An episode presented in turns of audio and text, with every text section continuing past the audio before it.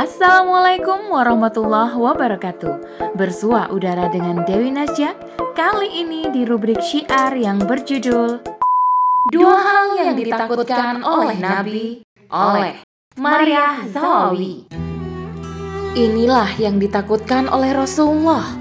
Sebab mendustakan termasuk kekufuran Mendustakan juga bagian dari kesesatan. Rasulullah khawatir jika umatnya mendustakan kodar, mereka akan jatuh dalam kekufuran dan kesesatan. Selengkapnya, tetap di podcast Narasi Pos Media. Narasi Pos, cerdas dalam literasi media, bijak menangkap peristiwa kunci. Nabi Muhammad Sallallahu Alaihi Wasallam adalah seorang nabi yang sangat peduli dengan umatnya. Kasih sayang beliau kepada umatnya membuat beliau senantiasa memikirkan kita, umatnya. Bahkan saat sakaratul maut, beliau masih mengingat kita. Saat itu, beliau memanggil-manggil, umatku, umatku, umatku. Kepedulian beliau terhadap kita diungkapkan dalam beberapa hadis. Salah satunya adalah hadis yang diriwayatkan oleh Khatib dari Anas beliau Shallallahu Alaihi Wasallam bersabda, Aku takutkan pada umatku dua kebiasaan, yaitu mendustakan takdir dan membenarkan peramal. Ternyata apa yang dikhawatirkan oleh Rasulullah itu pun terbukti dalam kitab Al-Hadis Al-Mukhtarah fi Al-Akhlaq wa Al-Adab Abdullah Muhammad Asyidik Al-Ghumari Al-Idrisi menceritakan bahwa di masa tabi'in dan akhir masa sahabat muncul sekelompok orang yang disebut Al-Qadariyah. Mereka adalah orang-orang yang mengingkari Qadar. Mereka mengatakan bahwa segala sesuatu yang terjadi saat ini adalah hal yang baru. Artinya, semua yang terjadi tak ditetapkan oleh Allah di masa azali. Bahkan, mereka beranggapan bahwa Allah tidak mengetahui semua itu hingga hal itu terjadi. Sebagaimana kita tidak mengetahui segala sesuatu hingga hal itu terjadi. Para sahabat pun banyak yang menentang paham ini. Salah satunya adalah Abdullah bin Umar. Abdullah bin Umar mengatakan, "Jika engkau bertemu mereka, sampaikanlah sesungguhnya aku berlepas diri dari mereka dan mereka berlepas diri dari diriku. Demi zat yang Abdullah bin Umar bersumpah dengannya, seandainya salah seorang di antara mereka memiliki emas sebesar gunung Uhud, lalu diinfakannya, Allah tidak akan menerimanya hingga ia beriman kepada takdir. Meski paham Qadariyah ini tidak berumur panjang, tetapi kemudian muncul kaum Mu'tazilah. Mereka memang tidak mengingkari bahwa Allah menetapkan apa yang akan terjadi pada masa yang akan datang. Namun, mereka mengatakan bahwa Allah tidak berkehendak dan menakdirkan keburukan. Mereka juga menguatkan pendapat mereka dengan mengatakan bahwa kekufuran dan kemaksiatan terjadi tanpa kehendak dan takdir Allah. Hal ini berbeda dengan yang ditunjukkan oleh ayat-ayat Al-Quran Misalnya dalam surat Al-Qamar ayat 49 yang menyatakan bahwa sesungguhnya Allah telah menciptakan segala sesuatu dengan kodarnya. Kemudian di dalam surat Al-An'am ayat 112 dan surat Al-Insan ayat 30. Kedua ayat tersebut menyatakan bahwa segala sesuatu terjadi karena kehendak Allah. Hal ini juga diperkuat dengan hadis Rasulullah yang menyatakan bahwa Allah telah mencatat seluruh takdir makhluk 50 ribu tahun sebelum Allah menciptakan langit dan bumi. Hadis yang diriwayatkan oleh Imam Muslim, Tirmizi, dan Abu Daud berbunyi sebagai berikut. Kataballahu maqadiral khalaiki qabla ayyak luqas samawati wal ard bi khamsina alfasanah. Di samping itu, Rasulullah juga menyatakan bahwa iman terhadap Qadar merupakan salah satu rukun iman. Di dalam kitabnya, Hadis Arba'in An-Nawawiyah, Imam Nawawi menyebutkan sebuah hadis panjang yang berisi percakapan antara Rasulullah Shallallahu Alaihi Wasallam dengan malaikat Jibril alaihi salam.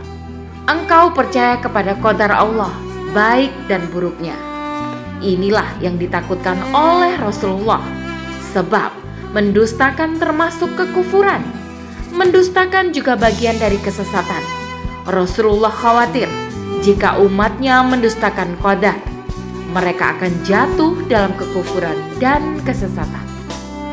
Sekedar tambahan informasi, konsep la kodar atau tidak ada takdir ini dikemukakan pertama kali oleh Ma'bad al-Juhani di Basrah pada sekitar tahun 70 Hijriah atau 691 Masehi.